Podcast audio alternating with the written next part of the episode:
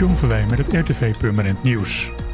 Op de Grotenhuisweg heeft vannacht rond kwart over twee een achtervolging plaatsgevonden met een ongeluk tot gevolg.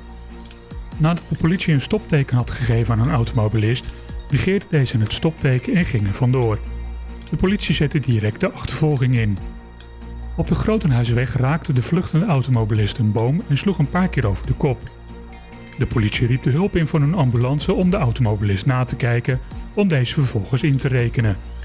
Waarom de automobilist het stopteken negeerde is niet bekend. Dinsdagavond kleurde Theater de Purmerijn rood. Dit om aan het publiek duidelijk te maken dat onder meer theaters en concertzalen hulp nodig hebben om overeind te blijven in deze coronacrisis. De Purmerijn stond niet alleen in deze. Onder andere Paradiso en het Koninklijk Concertgebouw in Amsterdam kleurden rood. Om 5 voor 12 gingen alle lichten uit.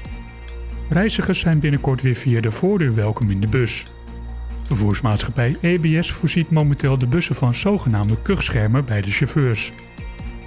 Uit onderzoek van TNO blijkt dat kuchschermen, goede ventilatie en regelmatig schoonmaken de kans op blootstelling aan het coronavirus in het OV aanzienlijk verkleinen in vergelijking met de huidige situatie, waarbij je alleen door de achterdeuren kan in- en uitstappen. Als een bus een scherm heeft, kun je direct weer voor instappen. Een mondkapje blijft voor reizigers vanaf 13 jaar en ouder verplicht. Voor meer nieuws kijk je op rtvpurmerend.nl en volg je